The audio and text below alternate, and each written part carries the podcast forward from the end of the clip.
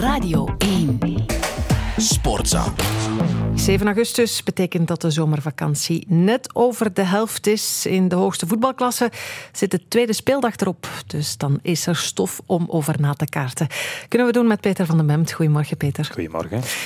Beginnen met Club Brugge misschien. Het zou een eerste test zijn gisteren in Westerlo. En Club won, 0-1 werd het. Dan mogen we dat veronderstel ik een geslaagde test noemen? Meer dan geslaagd, denk ik. Eh, Club Brugge speelde veruit zijn beste wedstrijd van het seizoen. En dat was eh, wel gekomen na de toch middelmatige prestatie, vond ik, tegen KV Mechelen. En de redelijk slappe in eh, Aarhus, zonder gevolgen. Drie stappen vooruit, wat mij betreft. De club haalde echt een hoog niveau. Hield dat eigenlijk bijna de hele wedstrijd vol met voetbal zoals Ronnie Deila dat, denk ik, graag wil zien. Snel reageren bij balverlies, hoog tempo. Veel diepgang over de zijkanten, intensiteit. Ja, dus collectief en individueel ook hier en daar was dit gewoon heel goed. Hè. Van Aken ja, was zeer aanwezig. Er wordt ook toch naar hem gekeken. Onyedika op het voorplan. Uh, die rechterflank die goed marcheerde met Skof Olsen en Buchanan. En ook uh, Noosa, die denk ik ook zijn beste wedstrijd speelde. In elk geval een stuk efficiënter was in zijn acties. Al vaak wel eens een ploegmaat vond. En voorin denk ik was het ook wel de beste match van Thiago. Dat is toch de spits naar wie gekeken wordt. En die ook nog niet echt had overtuigd. Oké, twee of drie kansen gemist. Had hij wel moeten afmaken. Maar een goede goal gemaakt. En eigenlijk twee keer met veel vernuft een eh, ploegmaat een open doelkans aangeboden. Dus twee assists had ook gekund. Want Club Brugge had vier, vijf doelpunten kunnen maken. Dat is allemaal toch eh, veel beter. Ook van Thiago dan die eh, onzekere prestaties tegen Ores of KV Mechelen. En ook wel vind ik een speciale vermelding voor het centrale duo achterin. Mechelen-Spileers. Het wordt toch altijd gespeculeerd over ja, daar moet nog versterking bij komen. Was wankel de voorbije wedstrijd, daar ben ik het mee eens. Maar goed, goed en scherp verdedigd, zeer betrouwbaar. Dus een prestatie die meer aanleunt bij wat we van Club Brugge mogen verwachten met deze spelerskern. En wat we eigenlijk ook mogen verwachten de komende weken is toch 6 op 6 tegen Eupen en RWDM. En een probleemloze eh, kwalificatie tegen die IJslanders van Akureyri of zoiets. en dan is eh, de maand, de eerste maand onder Ronnie Deila toch gewoon geslaagd. Geslaagd, inderdaad. Voetbal op hoog niveau. was dat ook zo voor Anderlecht? Want zij hebben ook gewonnen. Topper tegen kampioen Antwerpen. Dat was even geleden. En ik denk ook meer dan nodig, hè?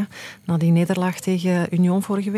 Ja, zeer zeker. Hoog niveau kan ik het nu niet noemen. Zeker niet in de eerste helft. En er zat toch al meteen veel druk op bij Anderlecht voor nog maar de tweede wedstrijd van het seizoen. En dat had vooral te maken met de manier waarop er vorige week werd verloren bij Union. Dus eh, de ontlading achteraf was navenant. Eh, ook omdat er eindelijk inderdaad voor het eerst, kan je nagaan, sinds mei eh, van vorig jaar nog eens gewonnen werd van een echte topclub. Ja. Nadien 16 wedstrijden tegen de grote ploegen als grote ploeg en 11 keer verloren, niet kunnen winnen.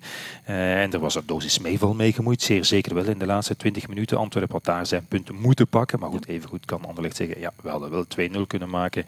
Bal van Draaier tegen de paal enzovoort. En, en uh, Riemer noemde de eerste helft uh, perfect. Dat is wel redelijk met de haren getrokken, moet ik zeggen. Maar goed, het contrast... Ja, ja, dat siert hem wel een beetje, dat is zijn persoonlijkheid. Maar het contrast met die schrijnende onmacht van een week geleden in het Dudenpark, dat was wel heel groot natuurlijk. En ze voetbalden niet noodzakelijk goed.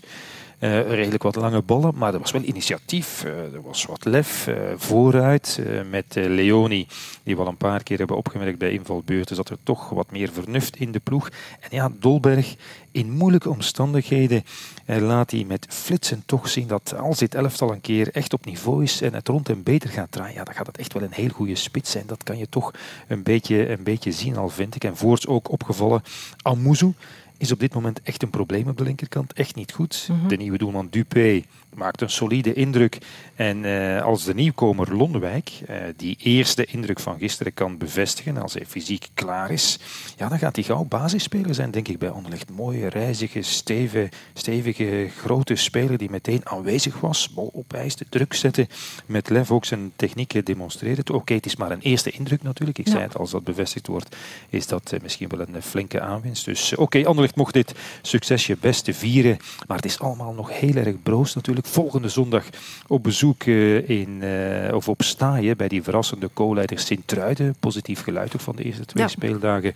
En dan uh, is het toch weer opletten dat het niet allemaal overboord wordt. Inderdaad, dan zal er bevestigd moeten worden. Ja. Laatste vraag misschien ook wat er aan de hand is met Racing Genk. Want er was die uitschakeling tegen Servet uit Zwitserland. En dan thuis verliezen van Eupen met 0-1.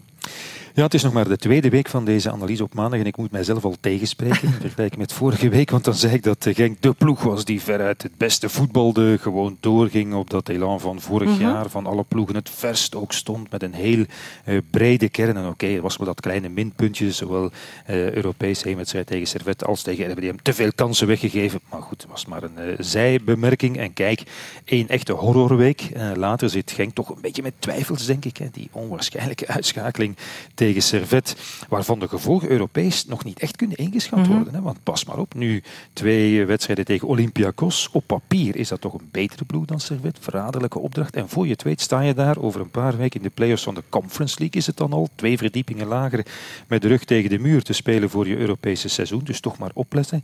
En, en uh, in de competitie is het nu zondag op bezoek bij dat vervelende Cercle Brugge dat uh, elke tegenstander hoofdpijn bezorgt. En ik moet in de komende weken voorkomen dat iedereen zachtjes gaat beginnen over het gaat toch weer niet waar zijn. Racing Genk na een geweldig seizoen vorig jaar, nu ineens weer heel veel minder.